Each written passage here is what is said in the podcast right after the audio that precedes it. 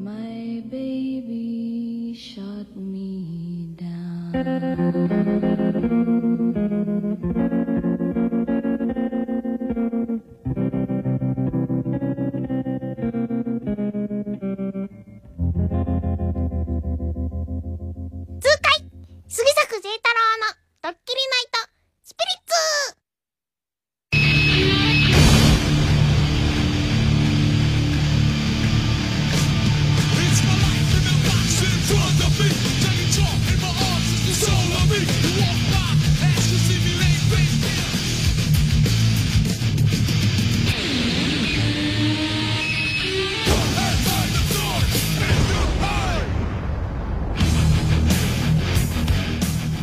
土曜日の夜がやってまいりました。痛快杉作 J 太郎のドッキリナイトスピリッツ。はいそうです。土曜日はスピリッツ。火水木はドッキリナイト3今日はドッキリナイトスピリッツ、えーこちら松山市本町1丁目にあります。南海放送2階。パルスタジオから生放送で、えー愛媛県内の皆さんには AM と FM2 つの電波で。そして、えー全国の皆さんにはラジコで、えーお送りいたします、えー今日もこれから約2時間、えーよろしくお願いします。ということで、えー皆さん、えいかがお過ごしでしょうか、えまだね、あのコロナもね、あの収束しそうになったと思ったら、え北九州とか東京の方でも今日も、え数が出まして、えまだまだこう一進一退、え油断禁物という感じなんですが、まあ、あまりこうなんていうんですかね、えー考えすぎていても仕方ないのかもしれないということで難しい気持ちの置きどころだと思うんですがさあそんな気持ちの置きどころの難しい中今日の1曲目はこちらいってみましょう。はい今日1曲目は酒井真紀さんで「恋の雑話チャドゥ」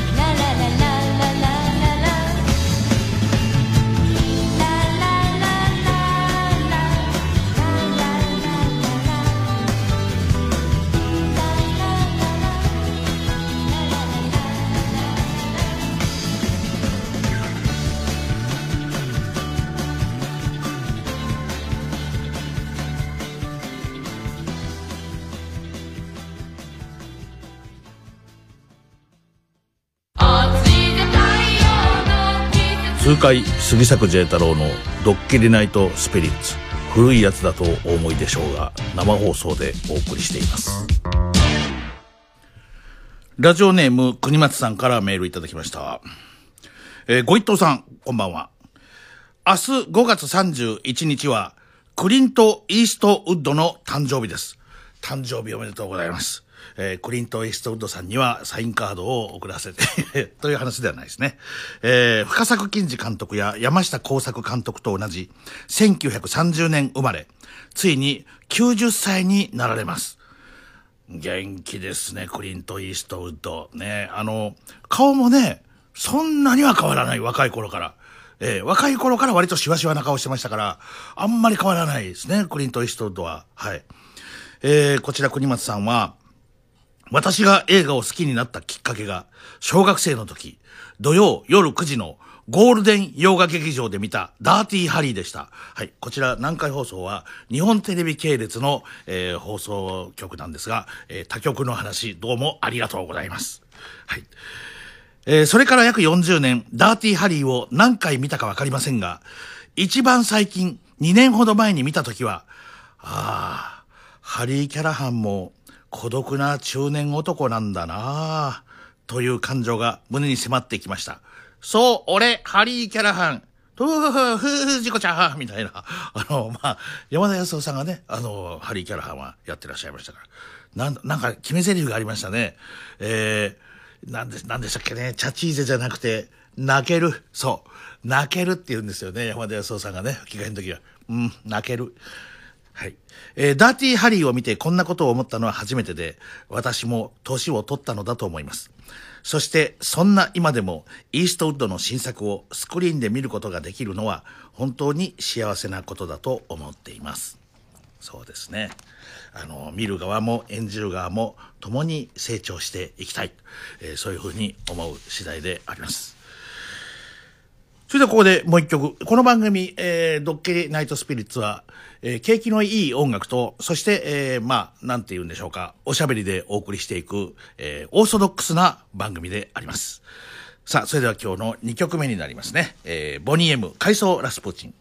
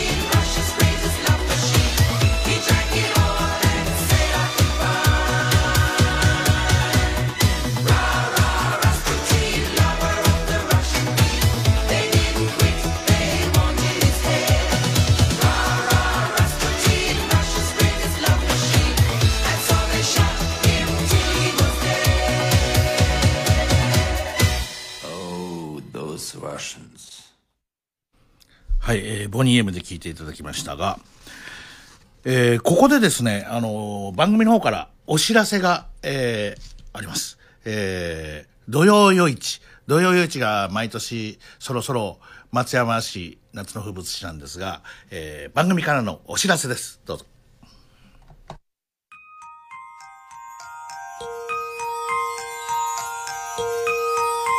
新型コロナウイルスの影響で、今年はいろいろなものが中止になっていますが松山の夏の風物詩土曜夜市もその一つでしょう。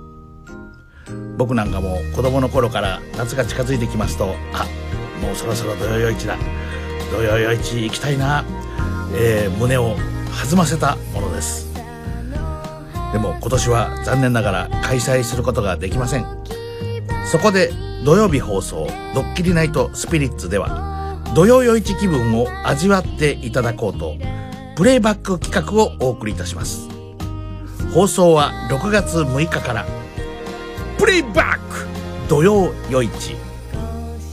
あの今日夜市行くんですか？はい、当たり前でしょ。あ当たり前でしょ！うーん。いや、聞いてから、もう、3日ぐらい前から。3日ぐらい。僕はね割とね2ヶ月ぐらい前からワクワクしてたんですよ。ええ子供ですね。今音でよみがえる土曜夜市の世界皆さんに土曜夜市気分を音だけでも味わっていただきたいドッキリナイトスピリッツからの心ばかりのお中元企画ですで、君はくじが好きだねはい。で、白が当たって1本だけでした。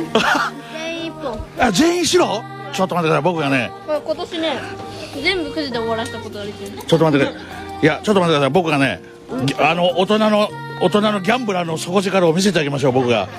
ラジオのね、ラジオって儲けるんです。ラジオララジオは全然儲かんないからね。あのこのギャンブルで儲けなきゃいけないんだよ。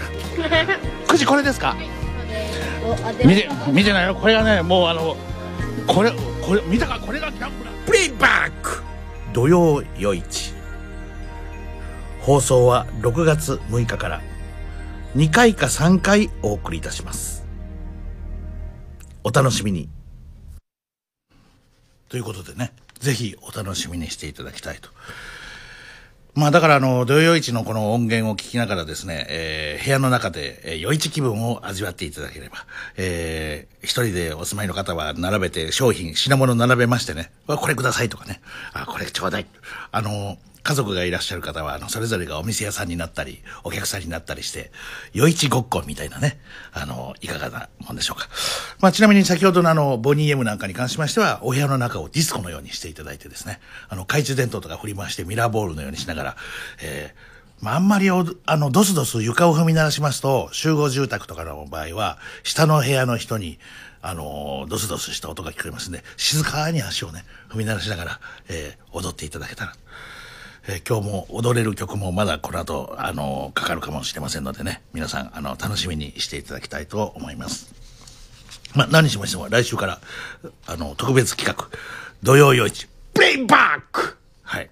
よろしくお願いいたします。えーメメールいただきました。四国中央市の飛び梅子さん。久しぶりに聞きます。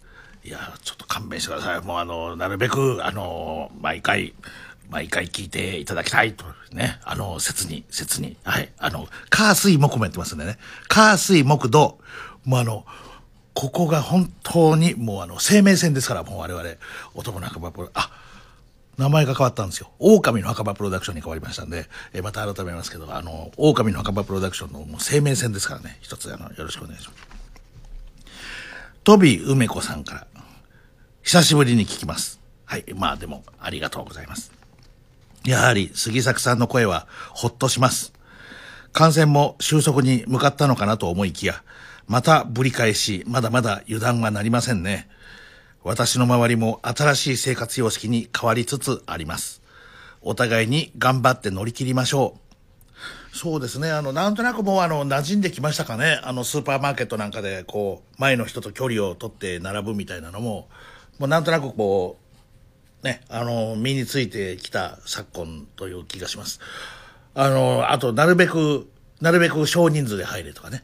一人、なるべく一人で入店してくださいとか、あの、いろいろおっしゃっております。あと、あの、電話を、電話での問い合わせはなるべくしないでくれと。あの、まあ、いろいろ、あの、言っておりますが、えーだいぶ慣れてきたかもしれませんね。ただ、営業時間がね、あの、飲食店とか飲み屋さんとかの営業時間、これは大変飲食店や飲み屋さんに関しましては生命線だと思いますんで、これがやっぱりね、あの、遅くまでになることを、えー、なんとかね、なんとかならないもんなのかな、みたいな。深夜になったからといって、3密のいわゆる密の状態になるわけではないから、働き手の確保が難しいとかいうことなんでしょうかね。あの、深夜営業はどうなんでしょうね。まあちょっと、うん僕はいいんじゃないかと思うんですが、はい。えーこちら。えーこちらはですね、えー楽しい放送ありがとうございます。東京小平市のラジオネーム黒猫と言います。いつもラジコで聞いています。少し前に話題だった昔話のおかしいところですが、そうです。確かに少し前に話題になってました。昔話のここがおかしい。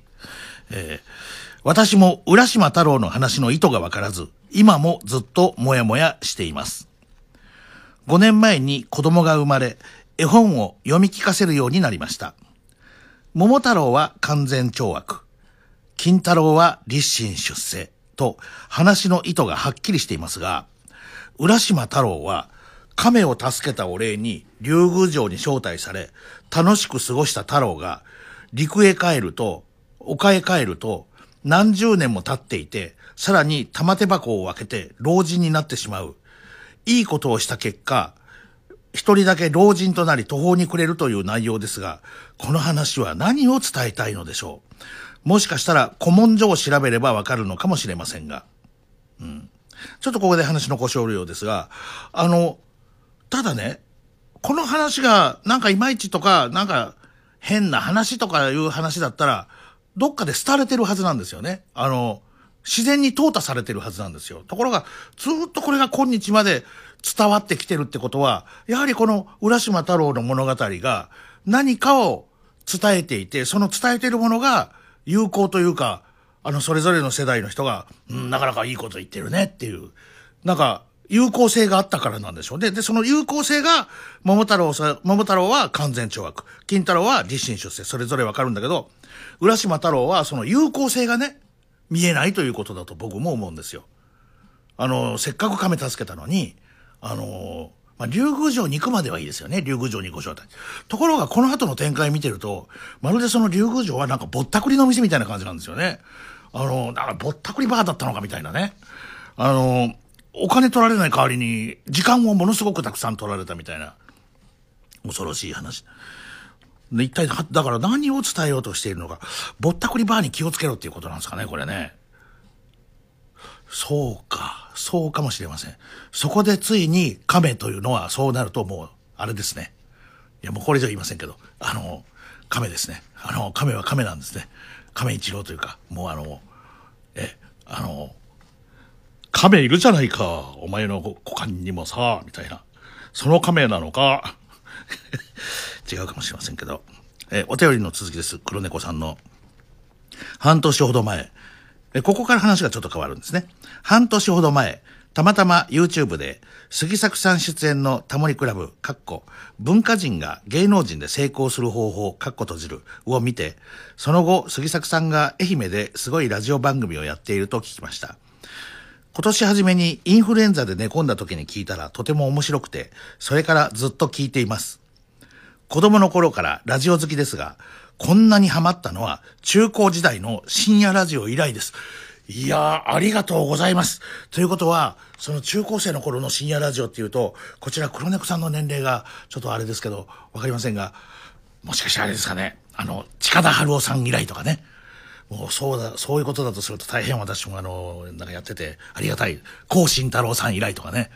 あの、それ稲川淳二さん以来とか、あの、そういう話だと大変僕もあの、元気が出てきますけど、えー、コロナ禍のコロナ災い、コロナの在宅生活で気がめいる日々でしたが、ドッキリナイトを楽しみに過ごすことができました。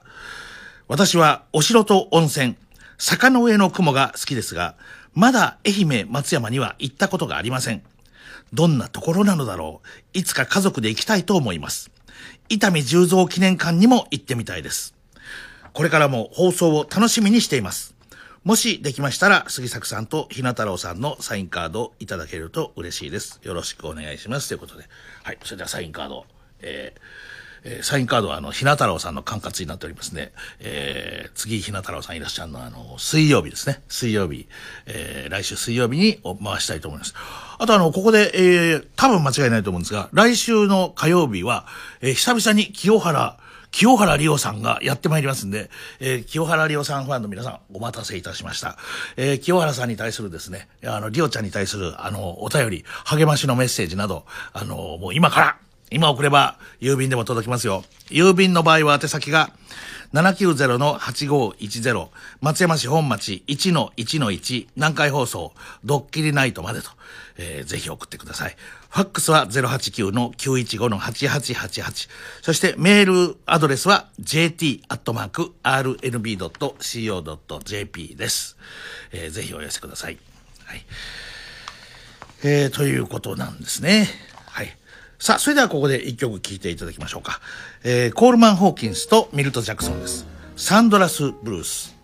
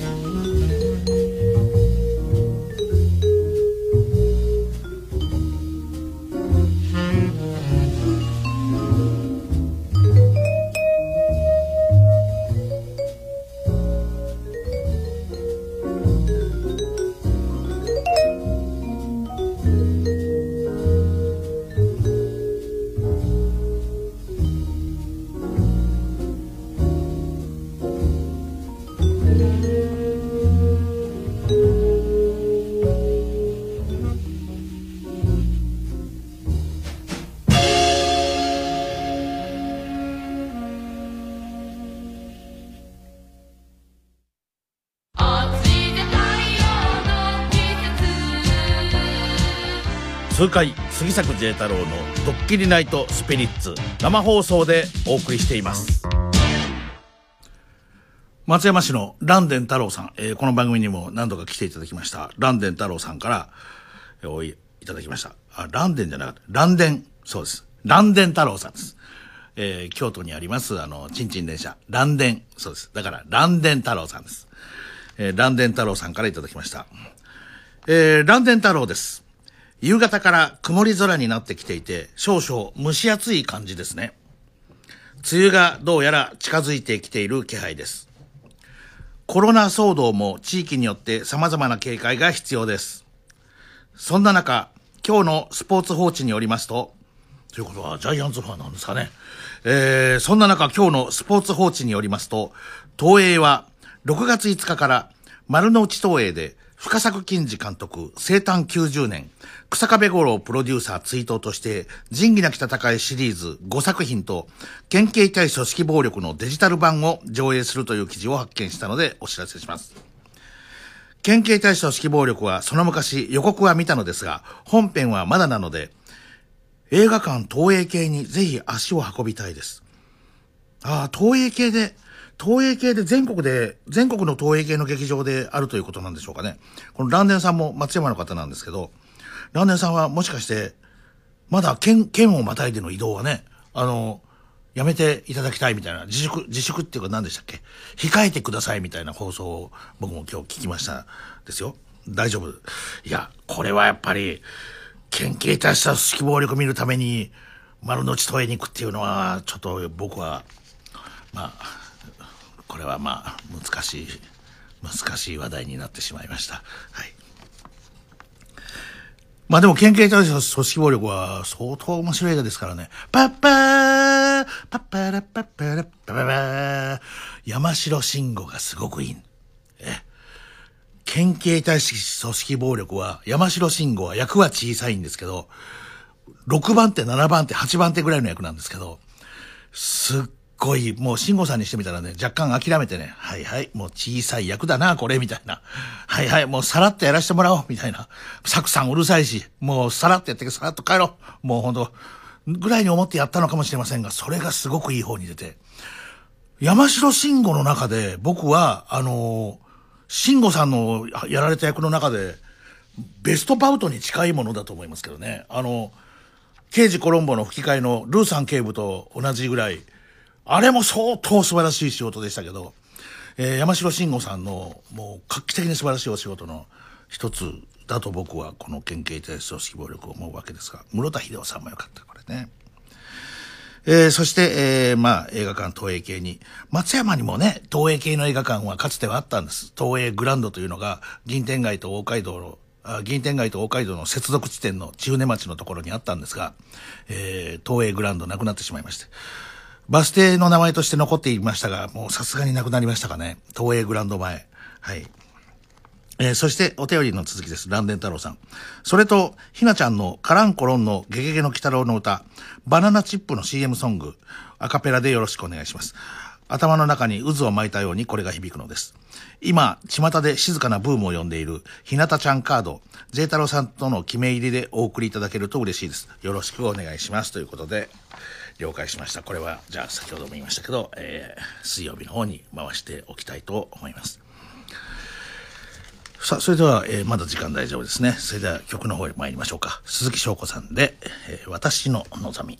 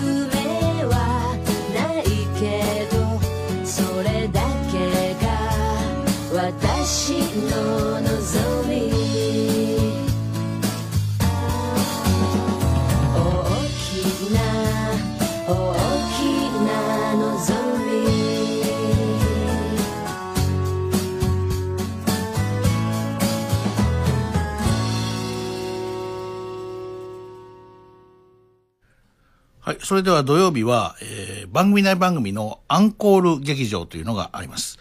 えー今日で3回目になります。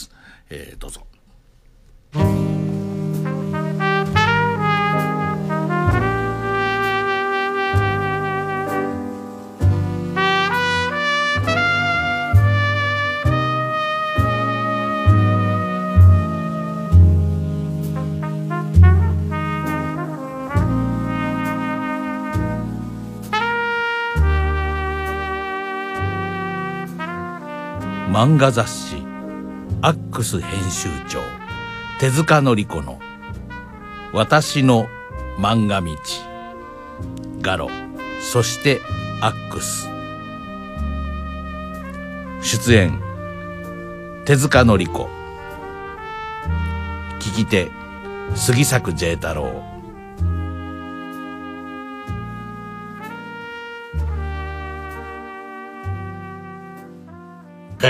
でそれで結構そのあの少年漫画の方を読んでたのかな。それはうん。小学生、中学生の頃小小学生の頃ですね。であのその時にうちの親戚があの昔貸本屋さんってあったでしょ？ありました。ねあの雑誌が5円で単行本が10円でそのあのほ漫画の本を貸し出すやってましたねでそれをあの貸本屋さんやってたんですね親戚があって、あのもうあのボロボロになって表紙が取れちゃったようなやつとか最初の1折2折が取れちゃったようなやつとかはあのもう商売に使えないっていうんでそういうのをたまるとうちに送ってくれてたんですよ。そう。でその時にもう強烈な漫画に出会ってはい。それがね誰の漫画だか分かんないんですよ。あの,、あの表紙もあのわあのあどこ表紙がないから。そうあのハードカバーだったじゃないですか歌唱って、はいはい。うん。あその表紙も取れちゃって一折がなかったから。ちょっと今の人だと連想しにくいかもしれないですねあの、歌唱編にあった漫画っていうのが。そうですね、あのハードカバーでそれが取れちゃってて。ックスと一緒じゃないですか？そうです。あの英語版ですね、ええで一折り目の最初の16ページが取れてなかったんですよ。途中から表紙と一緒に。うんだ誰の漫画だか分かんなかったんですけれども、み読んだことない漫画だったんですよ、はい。あの内容が。ジャンルで言いますと。少女漫画なんですよ絵は。少女漫画なんだけれどもその戦争孤児はい。の,、はい。その原長あ広島で原爆を受けたはい。少女が、はい。あの戦争孤児として、はい。あの山の中を放浪してた時に、なんかわからないけど怖いおじさんに助けられて、はい。一緒に生活するんだけれども、はいまあ、あの死に別れてしまうみたいななんかねものすごいね重いテーマの漫画だったんですよ。それが忘れられなくて、それでその後ガロに出会って、それで青林堂の試験を受けてたまたま受かって入って試験があったんですね。あったんですよ。あの入社試験がそれちょっと詳しく聞いてもいいですか、うんそれ募集はどこに出たんですか？ガロにガロに出てたん？あのめったにその募集してないんだけども、ずっとガロ読んでたら出て、その時もう上京してたんですけれども、でも絶対受けようと思って、履歴書とその論文提出だったんですよ。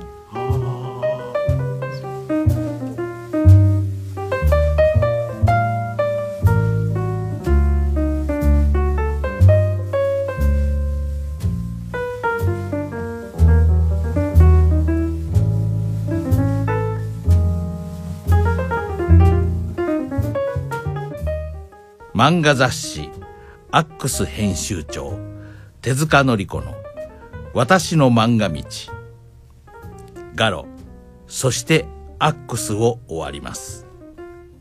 また次回をお楽しみに。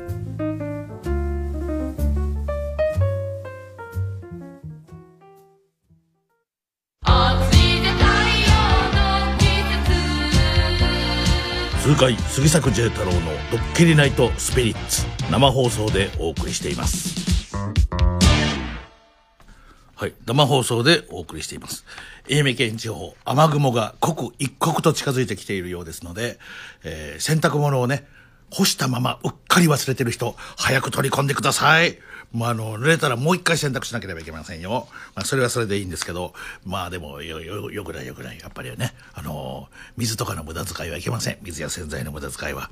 はい、富山県のラジオネームスケスケパンチラインさんです。先日、庭に出てみると、庭の木に蛇の抜け殻が巻きついていました。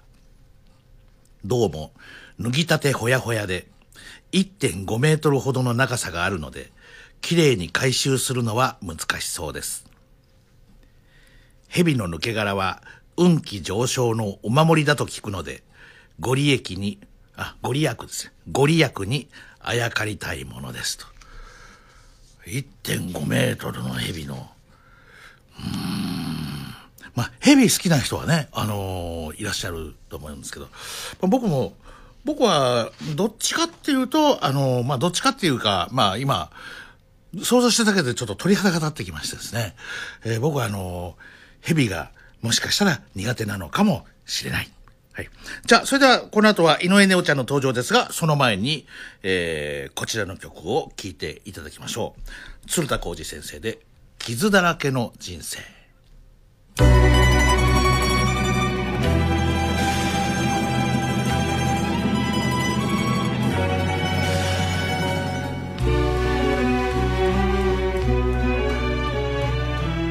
古いやつだとお思いでしょうが古いやつこそ新しいものを欲しがるもんでございます。どこに新しいものがございましょう。生まれた土地は荒れ放題今の世の中右も左も真っ暗闇じゃござんせんか。何から何まで真っ暗闇よ筋の通らぬことばかり右を向いても左を見てもバカとアホの絡み合いこに男の夢がある。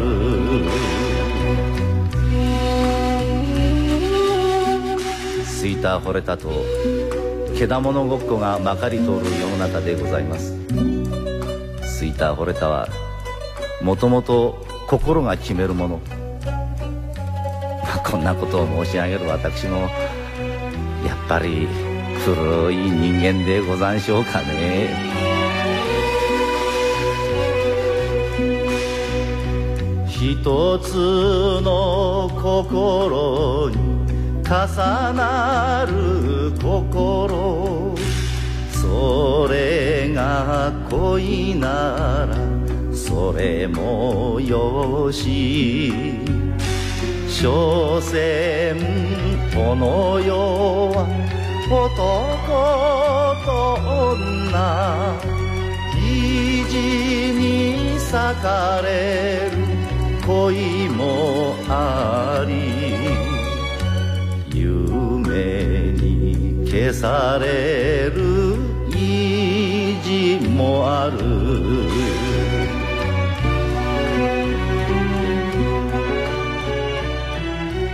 なんだかんだとお説教じみたことを申してまいりましたがそういう私も日陰育ちのひねくれ者お天道様に背中を向けて歩く バカな人間でございます。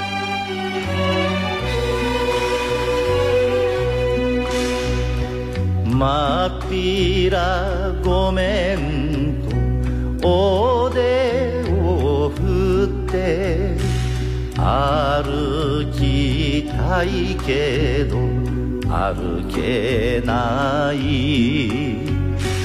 嫌だ嫌です。お天道様よ。日陰育ちの泣きどころ。明るすぎますおいらには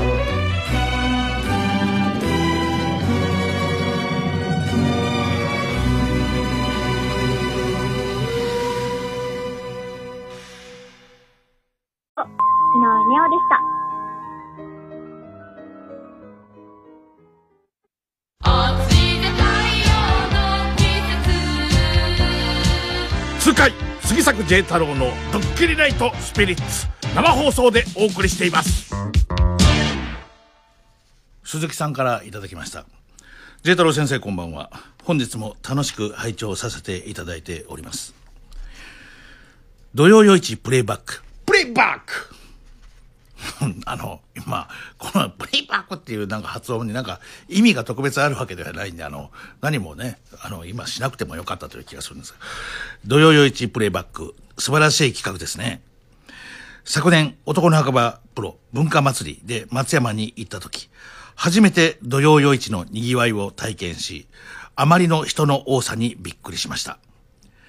できましたら、番組内番組、丸山翔一と杉作 J 太郎の不良と純情で流れた、丸山先生が土曜夜市を歩かれているシーンの再放送もお願いいたします。鈴木、はいと。そうでしたね。ありがとうございます。思い出させていただきましてありがとうございます。これは放送しなければいけません。丸山翔一 in 土曜夜市。いや、もう、は、日本で最もハードボイルドな脚本家と土曜夜市の奇跡の合体というね。これ、おまけにその時にあの、人があまり、ものすごいたくさんいるので、こう先導、誰かが先導しないともう歩けないんですよ。その先導者の名前がオロチですからね。男、あの、男の墓場のプロ改め、狼の墓場プロダクションのオロチが、オロチが先導してましたから、オロチが先導した丸山翔一、イン、土曜夜市ということでね、まあこれも放送したいと思います。あとあの、これもね、今、あの、銀玉の、銀玉の話じゃなくて、する話あった。あの、井上ネオさんの土曜夜市があるんですよ。井上ネオちゃんと僕が行った土曜夜市の、あの、ドッキリナイトで放送した音源もありましてですね。これの放送もしていいですかっていうのを今、ねえ、あの、今ご本人が出てたから聞けばよかったんですけど、これはまた改めて、あの、ちょっと、あの、問い合わせてみたいと。これはまあ、あの、プロデューサーのね、藤田裕次郎プロデューサーの方から、藤田裕次郎大プロデューサーの方から、ちょっとこれはあの、東方の方にね、あの、問い合わせていただきたいというふうに思います。そう、ネオちゃんの判断ではこれはどうにもならないですからね。やはりあの、東方ですから、もう、マークが光ってるんでしょ東方ってマークが光ってんですよ。キラーって、ピカーって。やっぱりあの、すごい大会社だなっていう感じします。東映はね、ザパーザパーってこう波が寄せてますけど。えー、松竹はこうね、あの富士山がこうさーっとあって。えー、日活はね、あのー以前はこうなんか自転車のスポークみたいな、自転車のスポークがこうくるくるくるくる回ってるみたいな感じの絵だったですね。怖かったのが大英です。もう茜雲ってんですかね。夕焼け空が真っ赤に血の色みたいにうわーっと染まってね。僕あの大英のオープニングの映画怖くて怖くて。ええいやー、おまけに大英の映画ってなんか基本的におとなしいで、おとなしいとか、じっとり、じっくりしてるんですよね。なんかの、歩みが呪いっていうかね、呪いってことないですけど、なんか静かでゆったりゆったりしてるんですよ。で、あの、市川雷蔵さんの顔なんかもね、初めて見た時にはもう、あまりの無表情ぶりに怖くて怖くてね、夢に出てくるかと思いましたが、慣れてきたら全然怖くなくなってきました。まあ、やはり、何でも、慣れは慣れだなという気がいたしますが、鈴木さんありがとうございました。これあの、プレイバック、今また、プレイバックなんて言いそうになりましたけど、プレイバック。はい。落ち着いていきましょうね、これ。プレイバック企画。この土曜夜市企画が相当面白そうですね。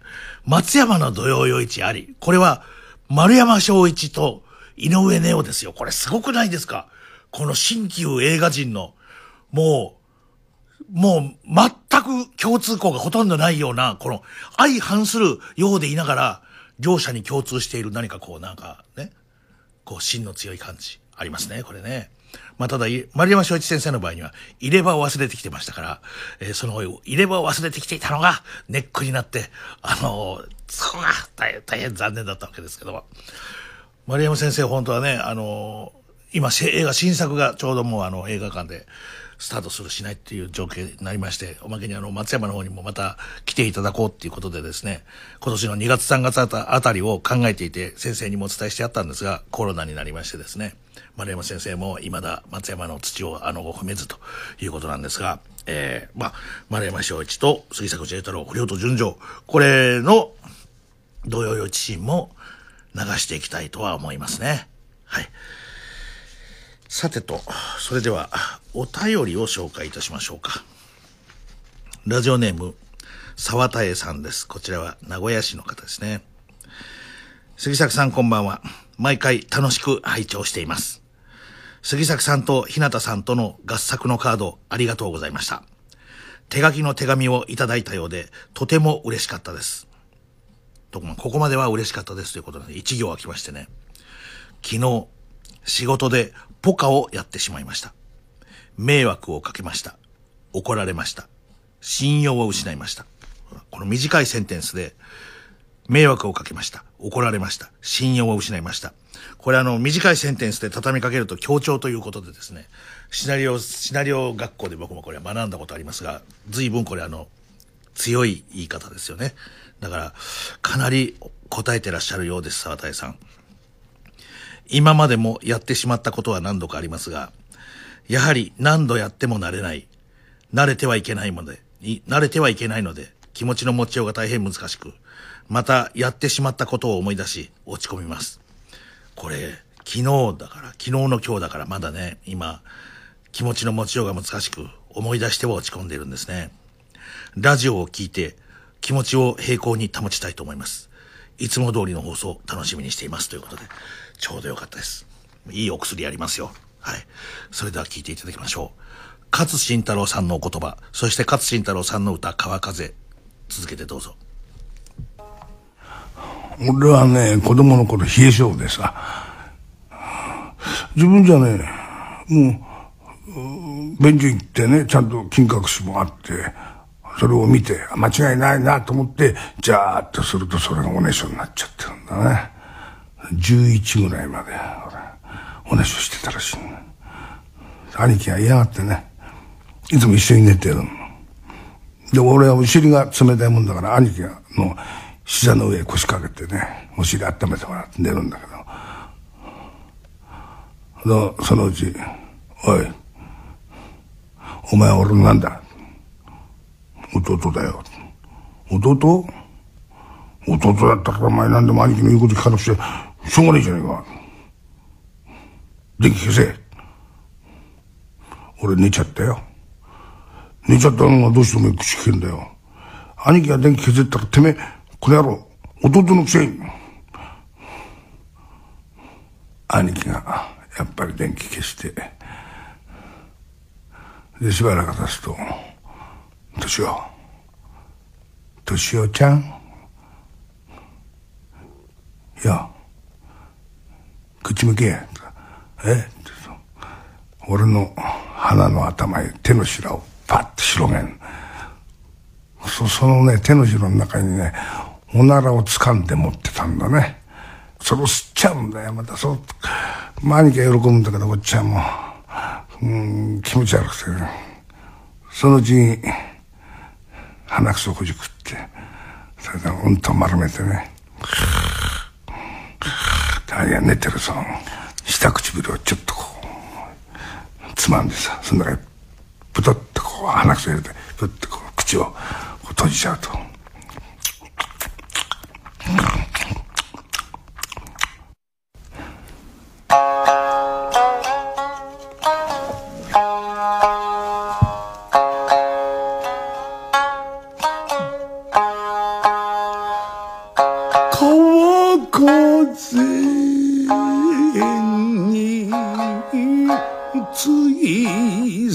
So.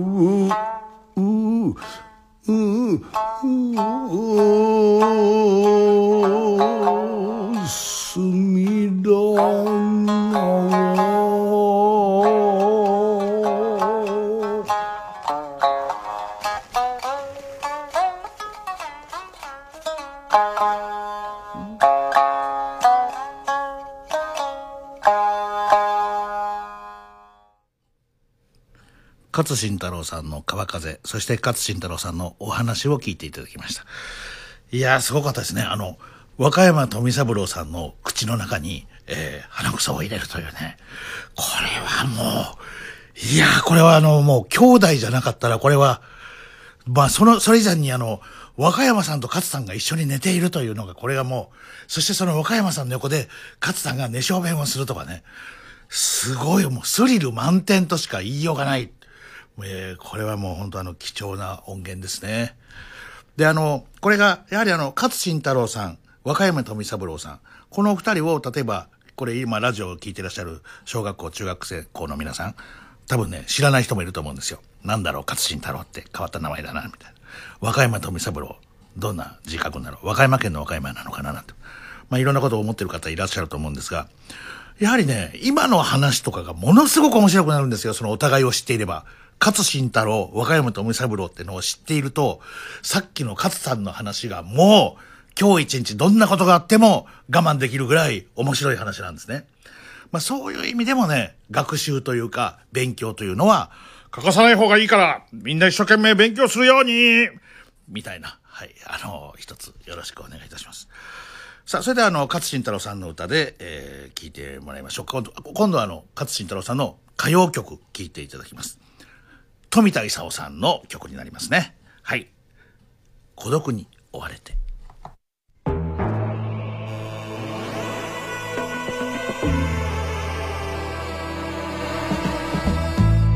柳の一枝にそれと知る春さえ心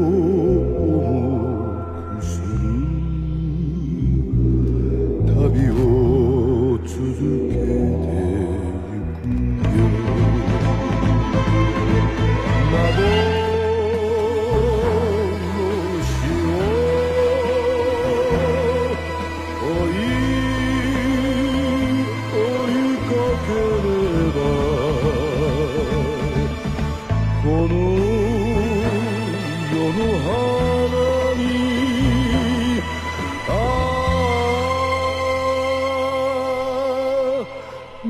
けの一つ。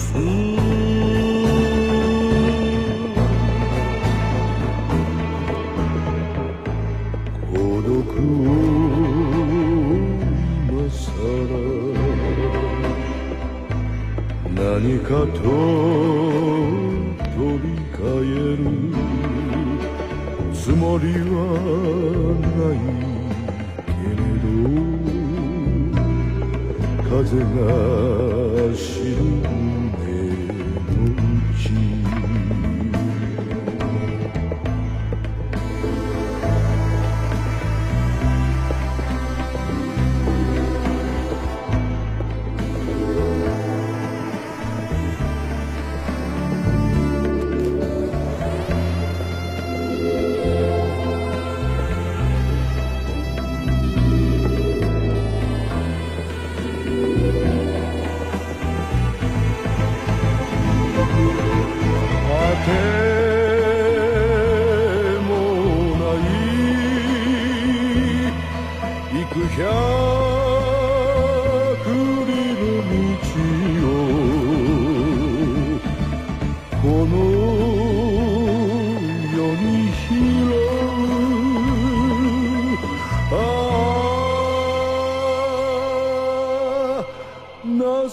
の一つ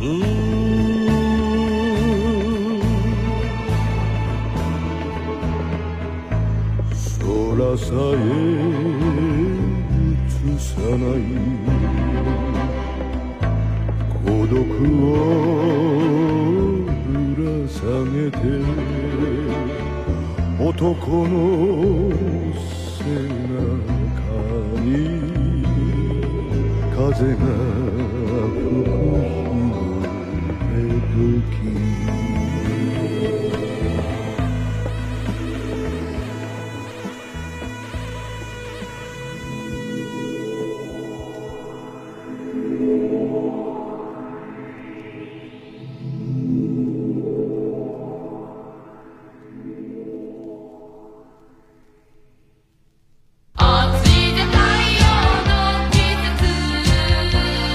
痛快杉作 J 太郎のドッキリナイトスピリッツ生放送でお送りしています松山市の手足のあるピカイヤさんからいただきましたえー先日、えーお二人のサイン無事届きました。ありがとうございます。J 太郎さん、ひな太郎さんと。はい。えー、さつきとメイで盛り上がっていますね。メイ 僕はモノマネできませんが、あのーもののけ姫じゃ、もののけ姫じゃない。隣のトトロですね。隣のトトロの、あのーさつきさんとメイさん。はい。の、えーそれのメイさんのモノマネをね、ひな太郎さんが、えー大変、あのーものにしつつあるということでですね、あのーお送りしたわけですが、えーこちら、えー私が小学生、中学生くらいまで、銀天街に、さつきメイという洋服店があったように記憶してます。あったと思います。はい。えー僕もなんかこれは記憶ありますね。さつきメイ。コマーシャルやってませんでした？えー土曜の夜、当時南海放送で、新婚さん、いらっしゃいの放送前ぐらいに、毎週流れていたさつきメイの CM が思い出されます。ああ、僕は、コマーシャルやってたのは覚えてますけど、そこまで覚えてないんですけど、こちらこう書かれてます。広がる5月の野原。君と一緒に、君と一緒に。これ歌詞のようですね。えー広がる5月の野原。君と一緒に、君と一緒に。という歌詞だったと思います。とっても雰囲気のいい歌、曲だったです。男の歌手で曲名が検索しても出てこないので、どなたかわかる方いらっしゃったら教えていただけたら嬉しいですということで、えーこちら、あの、愛媛県内でね、この放送を聞いてる方、覚えてるよっていう方いらっしゃいましたら、メールアドレスは jt.rnb.co.jp まで、jt.rnb.co.jp までお寄せください。えー、ツイッターの方は今この生では対応できませんので、えー人員的にですね、まあ、たくさん、えー今ここに人いるんですけど、まあ、今嘘をついてしまいましたけど、あのー人がね、あのほとんどいない。もしかしたら、ゼロってことはないと思うんですけどね。こうやってあの現に喋ってるわけですから、ゼロではないと思うんですけど、限りなくゼロに近い。まあ、いや、そんなことないです。まあでもね、あの、とにかく人手が、人手っていうかね、そこはもう無理なんです。あの、放送中は、えー無理なので、ツイッターだったら、ツイッターじゃない、メールだったら、あの、出せますんでね。メールで、ぜひ、そんなに手間かかんないと思いますんでね、jt.rnb.co.jp まで、この、広がる5月の野原、君と一緒に、君と一緒に、これ、愛媛県に住んでらっしゃらなくても、なんだ、それ俺が歌ってた歌じゃねえかっていう人とかもしいらっしゃいましたら、えー広がる5月の野原、君と一緒に、君と一緒に、ぜひお教えいただきたいと思います。よろしくお願いいたします。はい。えー続きまして。えー続きまして、ここで一曲行きましょうか。えーこちらも松山に住んでらっしゃいましたね。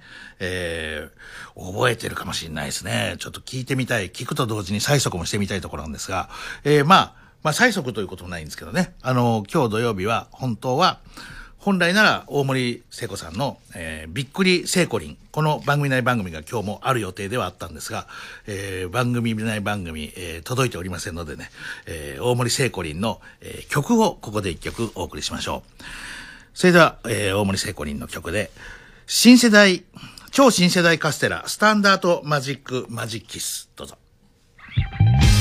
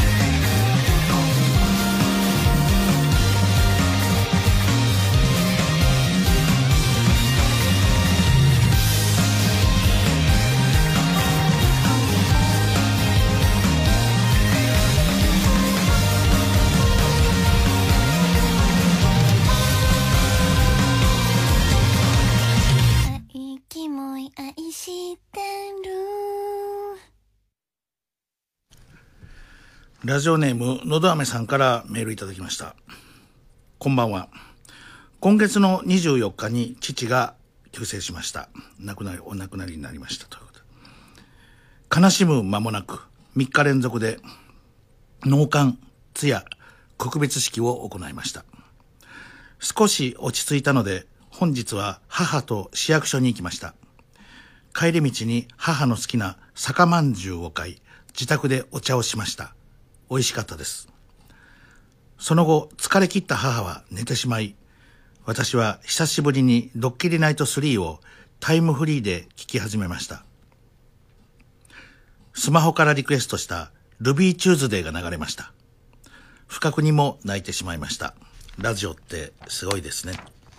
お便りいただきました。確かにあの、ルビーチューズデーずいぶん前にいただいてたリクエストだったんですけど、タイミング的にちょっと時間かかりまして、えおかけしたらちょうどそういうタイミングだったということだったようです。えー、野田飴さん、お父さんのご冥福をお祈りいたします。さあ、それでは、えー今日の番組内番組、えー最後になりますね。まあ最後ってことで、あの、大森聖子林のが今日はありませんでしたから。まあこれはもうないかもしれません、しばらくね。えーもうからないものとして、あの、聖子林の歌を毎週 一曲届けていくコーナーでもいいような気も、僕はもう実は先週かその前ぐらいからしています。はい。それでは、えー今日の番組内番組、しんがりはこちら、どうぞ。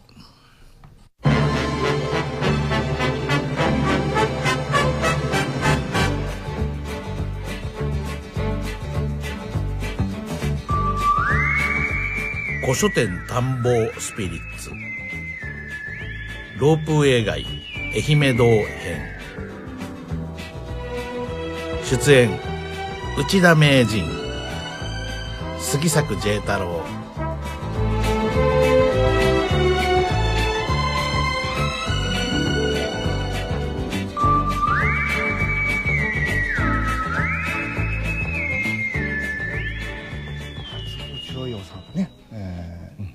ーうわここら辺はやっぱ相当なお値段がしそうですけど綺麗ですね。ちょっと霊口の恋人。見ました。チャタレイ裁判なんてありましたよね。これ日活ロマンポルノにもなったのよ。あ日活で島泉さん。チャタレ夫人の恋人。えー島泉。あお相手役誰だったんでしょうかねこれね。相手が誰だか覚えてないですよね、だからあの大都会で。あの島泉が、あの飯屋の佐藤織江さんとこのあの従業員やってたよ、島水江さんが、入ってきた松田優作が「おチャタレ夫人」アドリブで。アドリブで。いやまあ、日活撮影所で撮影してましたからね。なるほど。ええ。優作さんもね日活で主演されてますからね映画。あとこれすごいねこれ少年クラブの名作戦。少年クラブっていうのはあの少年雑誌の？これはすごいんじゃないですか。あこれちょっと本当見たいなちょっとこれはちょっといやこれは相当貴重な本だと思いますよ、ちょっと行ってみましょうかねこれね。これは来ましたこれはでも相当な本ですよ。講談社ですからね。講談社の少年クラブといったら由緒ある少年誌。ううわーこれはこれはこれはすごい。あー多分これ岩田千太郎さんとかそういったような有名な声画家さんの。これこれ。本当にね。これはすごい。当時の復刻ですねこれね。傑作う作わーこれ。はお高いでしょこれは冗談抜けて丁寧に読まなければ。ちょっと。あれ？びっくり。ちょ っと待ってください。はい。これはお値打ち。まこれはさにというやつですね。えこれこの価格で、はい。ちょっと僕なんかは世代的にこの本よりは前です後ですけど、はい。これもし読まれて育った方なんかはこれ1500円ですよ。正直今値段を言いますけど。これ1500円はないよこれはでも本当歴史書に近いですよねもうね。本当に文化の。素晴らしい。素晴らしい。ちょっとちょっと。やめてもう。雑なんで。人間が雑なんで。いやいやそれでは済まないというね。いやーやっぱすごいですねやっぱ愛媛堂さん。これはもうどれかが欲しくなる。も DVD もあるんですね。うそうですね DVD これがまたいいですよ。ヤッターマンあこれあれですか？三池監督のやったもんいやこれ中畑清のやつよ 中畑清のやったほら中畑清の中畑清のヤッターマン桜井翔って書いてあるじゃないあですかそうですか桜井翔一か桜井 麻雀です、麻雀。はいはいまあ、そう、桜井翔一さんの本もあると思いますけどね。なるほどね。この愛媛のまあ、さん君に聞かなければよかった。そうだね、そうですね。CD とかもあるのが、やっぱ愛媛堂さんの特徴ですよね、これ。うん。うん。いや、なかなか、いいですね。いろんな。CD もたくさんあるしそう。CD もある。CD もいいのありますね、これね。あクラシックが多いですね、やっぱりね。これ、文化度が高いな、愛媛の方は。ザードもあるよ。ザードもあり、あれしよあの、ザード VS ベートーベンみたいな。先生どっち応援します？勝つのはどっちだみたいな。ザードとベートーベンマッチングしたことないですからねこれマッチメイクしたことないからなどっち勝つんだろうあ、ベンハあおお出ましたねベンハってリメイクの方ですかねベンハって知ってます？お笑いコンビいたんですよ。これ多分ね、お笑い相当詳しい人でもよく知らないと思います。コンビですか？ベンハっていうお笑いコンビがいた。へええー、あれですよ。歌丸さんって人とね、コンバトレックって人が二人でやってたお笑いコンビが。ベンハっていうお笑いコンビがいましたね。壮大な対あの、墓場プロの上映の時だけあったという。一番、一番人気は、じゃなかったかもしれないですけど、かなり面白い、あ見どころがあったんですかなり面白いグループです。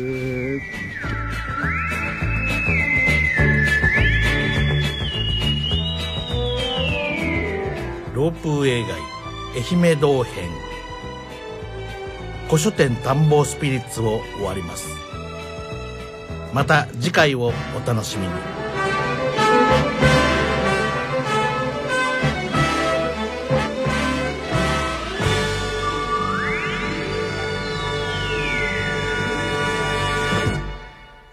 そうなんですよ。あの、ベンハっていうね、お笑いコンビをライムスターの宇多丸さんと、えー、今はコンバット REC って名乗ってる、えー、ある人物が、あの、コンビを組んでたんです。あの、墓場プロの、あの、お、男は改め、狼の墓場プロダクションですが、今は。狼の墓場プロダクションの映画の出演者の皆さんが、えー、コンビを組んでね、それぞれお笑いコンビを作って、そしてあの、お笑いの大会をもう毎日毎日映画館で、えやってたわけです。あと、セクシーボーイとかね、えーグレートハンティングとか、えーいろんなグループがおりました。はい。で、その今日、えー記号にも今日いただきましたお便り、こちら、ネギ坊主さんですが、ネギ坊主さん、今日、えー映画を見たそうです。チャールトン・ヘストン主演の3時間40分の超大速、ベンハを見ましたと。途中で休憩タイムが入るのがなんだか懐かしかったです。この映画を前に見たのは今から40年くらい前の小学生の時で、当時は話が難しくてよくわかりませんでした。それが今見ると面白いのなんの？無実の罪を着せられた男の復讐劇であると同時に、復讐の虚しさを教えてくれる映画でもあります。有名な馬車での競争シーンは大スクリーンで見ると今の CG を使った映画に負けないくらいの迫力がありました。名作映画、どんなに古くても何回見ても面白いものですね。そして映画館で映画を見るってやっぱりいいものですね。はい。こちらは大阪で今日ベンハを見たネギ坊主さんからいただきました。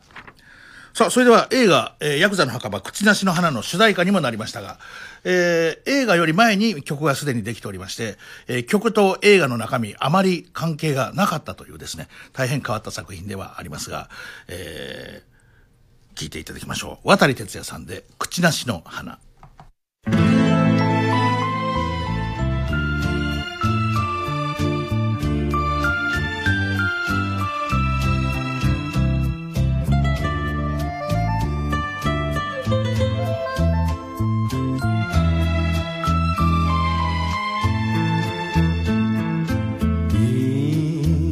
今では指輪も回るほど痩せてやつれた。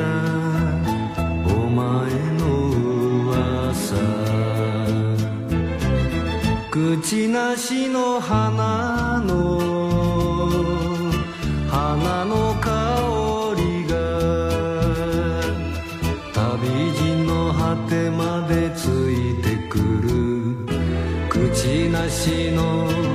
白い花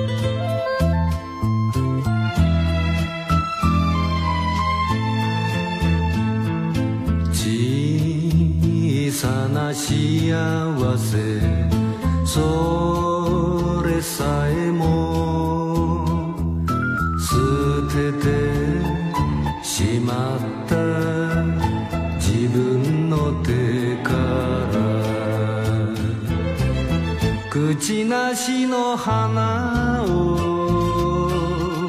花を見るたび寂しい笑顔がまた浮かぶ口なしの白い花。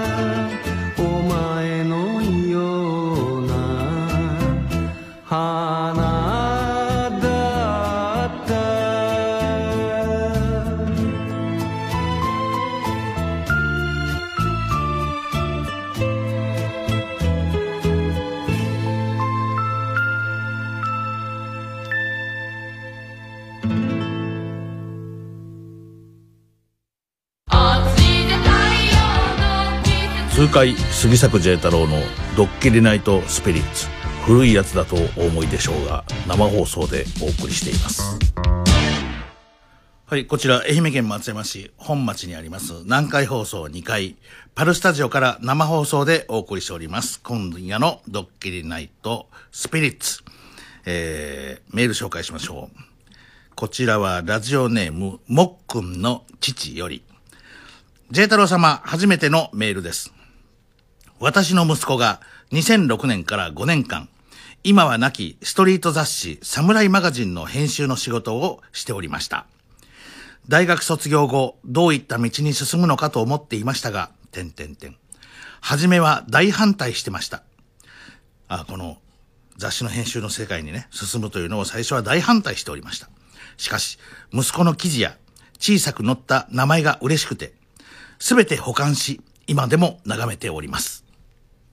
特にライブイベント100番勝負というクラブイベントの写真はよく見ます。ありがたいですね、このお父さんね。今日は何気なく2010年、2010年3月号を見ていましたところ、なな、なんと、今まで何度も見てましたページでしたが気がつきませんでした。マルチにご活躍されておられる方とは存じ上げていましたが、驚きました。何か嬉しくなってメールしてしまいました。すみません。もっくんの父よりと。えー、これだけだと何のことだかわからないと思いますが、えー、画像が添付して送られてきております。えー、M フローラブズ、アット、東京、M フロー10周年を祝したクラブパーティー、えー、新木場アゲハ。これは別に関係ありませんね。何でしょうね。えー、アイドリングの皆さん、バカリズムさん、アイドリングとバカリズムがステージ前のアイドリングで楽屋でシュート、あの司会者も。うーん、なんでしょうね。おっとこれですね。杉作 J 太郎さん。マルチに才能を発揮する J 太郎さん。この日は、アンプラグドライブを、アンプラグドライブを、そう、アンプラグド。だからアコースティックですね。アンプラグドライブを披露。申し訳ないと、忘年会スペシャルと。えー、これどこであったんでしょうね。えー、どこかであったんですね。それに僕が、ほんで僕の写真が出ております。ヤマハのギターを抱えましてね、えー、なんかすごい神妙な顔してますけど、大したことはしてないと思います、この日も。はい。なんか、そんな予感がしてならない。えー、ありがとうございます。送っていただきまして。えー、でも本当あの、僕もこれ、申し訳ないと忘年会スペシャル、どこでやったんでしょうね。えー、場所が書いてないんじゃないでしょうか。ああクラブチッターですかね。えー、まあ何にしても、しましても、息子さん、多分だからこれ息子さんが僕のあの写真をこれ撮っていただいたということなんですね。あの今はまた他の雑誌でお仕事されているのかもしれませんが、こうやってお父さんがね、あの、息子さんの仕事を反対しながらも、あの、こうやって全部きれいに保存して、そして今でもこう見返しているという、えー、ありがたいものですけど、なかなか、なかなかね、面と向かっては、あの、頑張ってるじゃないかとも言いにくい部分もあったりする。まあ、ね、真意が伝わってないかもしれないけど、まあ、それぐらいでちょうどいいのかもしれません。え、あの、なんか伝わってないかもしれないぐらいで、なんか、あの、そのなんかちょっと、うん、なんかちょっと伝わってなくて残念だなぐらいが何かいいのかもしれないという気がしないでもない。うん、まあ、しないでもないっていう、ちょっと分かりにくい。分かりにくいというか、話せば 話すほど分からなくなってきました。はい。えーこういう時はやはり曲ですね。聞いて、一緒に聴きましょう、皆さん。はい。そして、あの、踊りたい人は踊っていただいて結構ですよ。はい。じゃあ行きましょうか。よし行きましょう松方弘樹、傷ついても。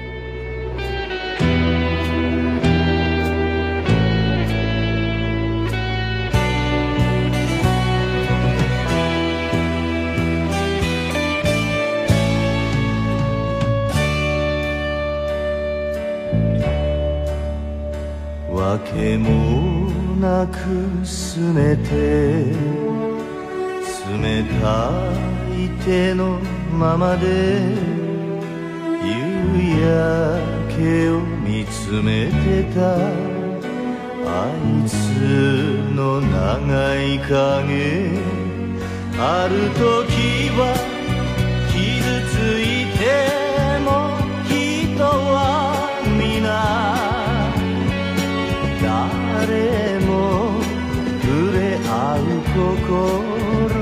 大切に生きるのさ生きるのさ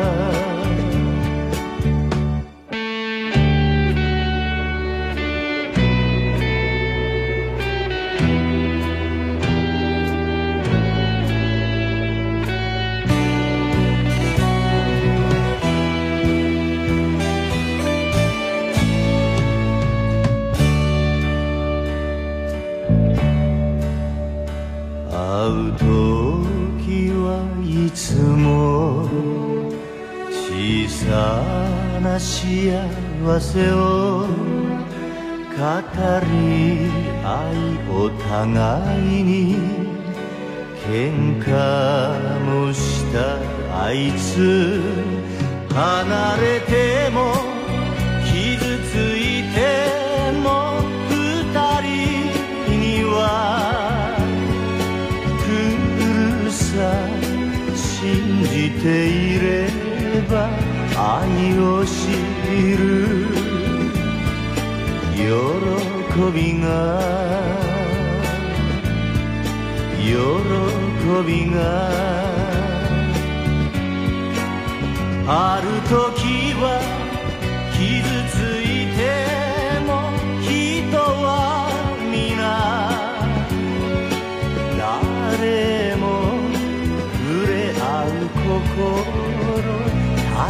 大切に生きるのさ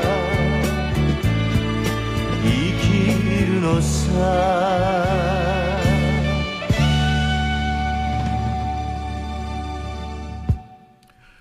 ペンネーム、臨天石村さんです。ジェイ太郎さんこんばんは。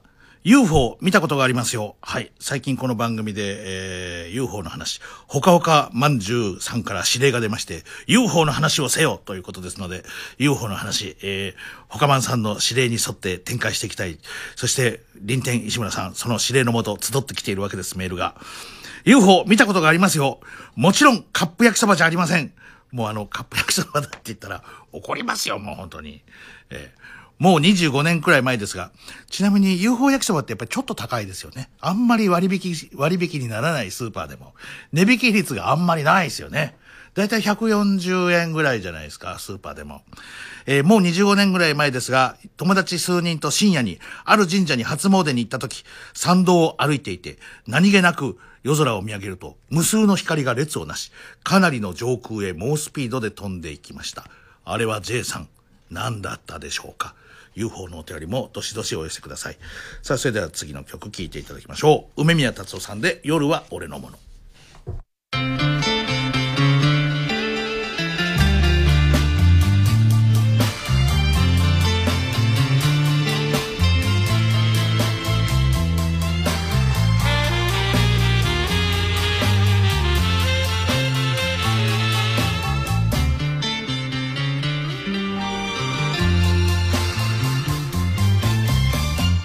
夜は俺のもの。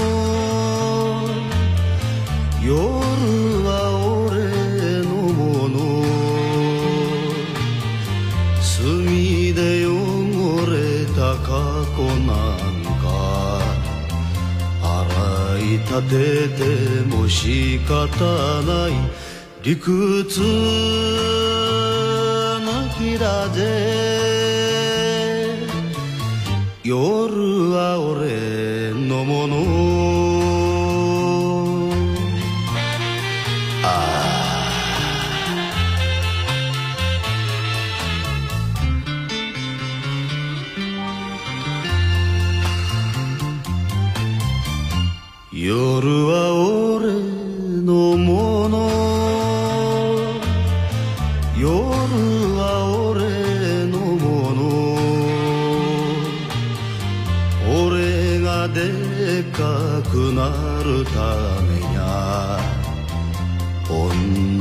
泣かせて傷つけて何を恥を夜は俺のもの。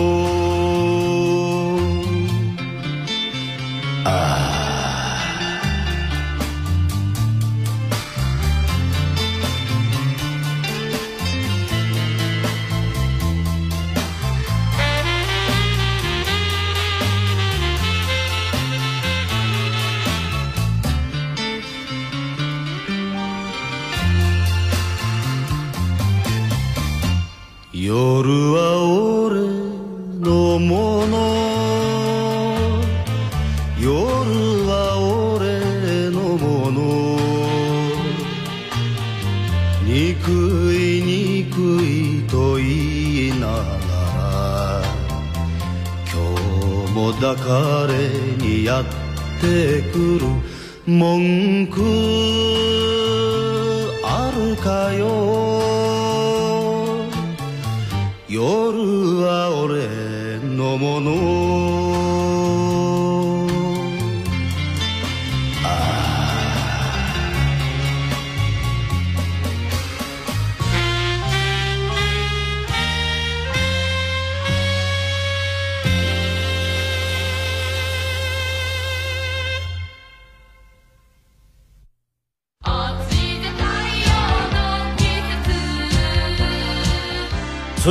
杉作 J 太郎のドッキリナイトスピリッツ生放送でお送りしています。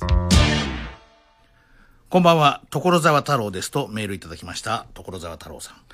浦島太郎の話の教訓について考えてみました。これはいい気になって快楽に身を委ねていると人生を台無しにしてしまうという教えがあるのではないでしょうか。そうですね。あの、冷静に考えたら僕もそんな気がします。あの、あんまり、あの、遊んでたたらいけないっていうことですよね、これ多分ね。亀を助けるという良いことをしたのは確かですが、それはちょっとしたことであり、その後の一生を保証するような行為ではない。乙姫様に開けちゃいけないと言われたのに、玉手箱をすぐ開けてしまったのは、浦島太郎の失策でした。しばらく我慢ができていれば、老人になってしまっても諦めがつくというものです。以上ですが、いかがでしょうか。その通りだと思います。あの、女性の言うことは聞かなきゃいけない。僕もそう思います。松方弘樹さんも言ってました。女性の言うことは聞かなきゃいけない。そうおっしゃってました。こちらの方も思ってたのはそうだと思うんですが、えー、それでは一曲聴いていただきましょう。山城慎吾さんで、ホロホロ鳥。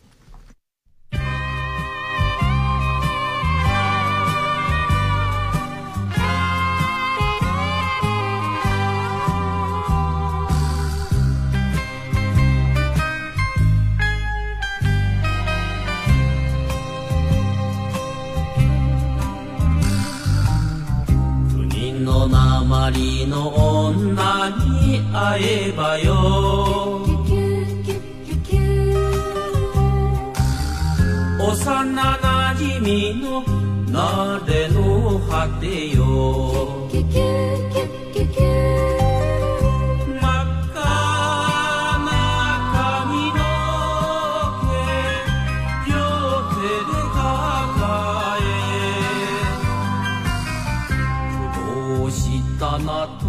苦労したなと腕枕よ。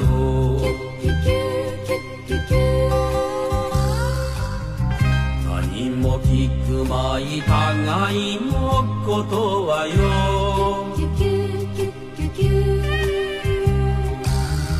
聞けば古傷痛み出すよ。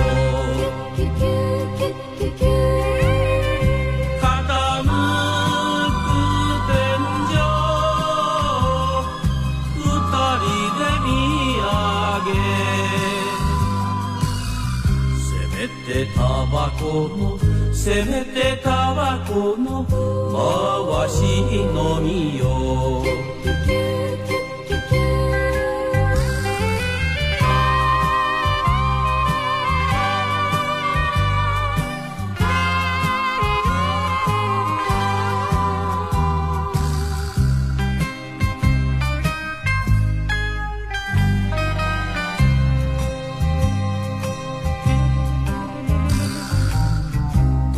せ自慢のできない暮らしよ。泣きの涙がやけ酒だよ。冷たい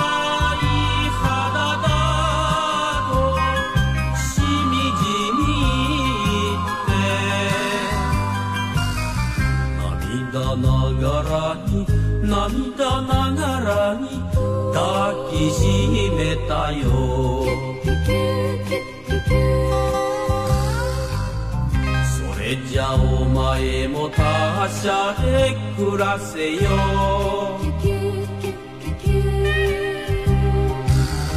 たまにゃ訪ねてくるがいいよ。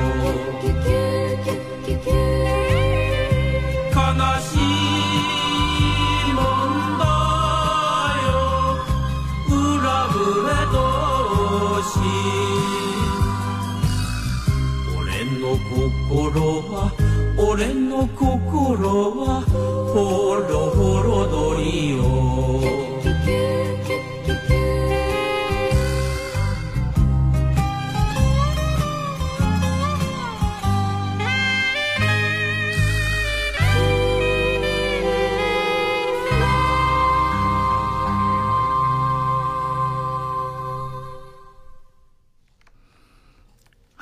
はい、山城慎吾さんで、ホロホロ鳥聞いていただきました。えー、さつきメイの CM あったようですね。これ、小野寺さんからいただきました、ラジオネーム。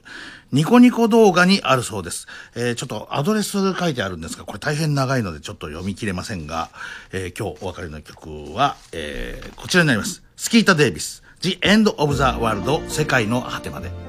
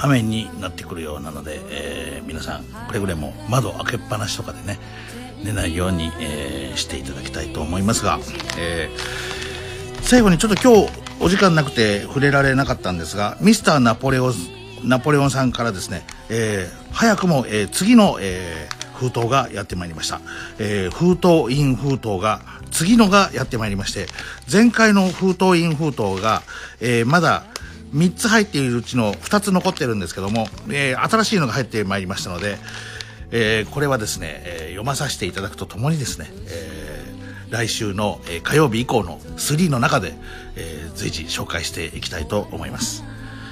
えー今日もそろそろお別れの時間がやってまいりました。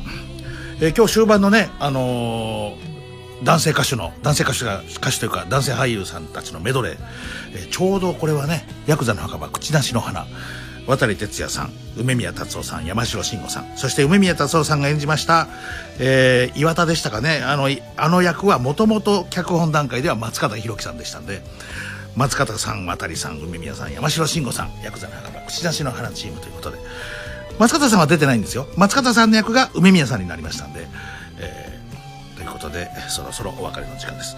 ちなみに、渡哲也さんと桃井かおりさんは、はぐれ雲では夫婦の役を演じておりました。この後は藤原竜也さんのラジオです。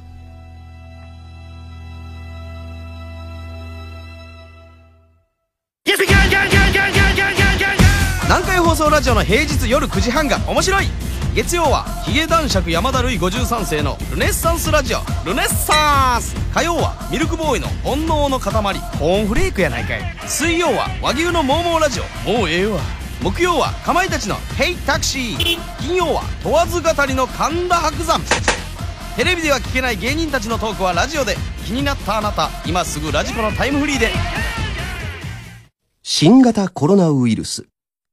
私は大丈夫なんて思わないでください。不要不急の外出は控える。密閉、密集、密接。三つの密を避ける。手洗いやマスクの着用をお忘れなく。民放ラジオからのお知らせでした。F 難南海放送が午後11時をお知らせします。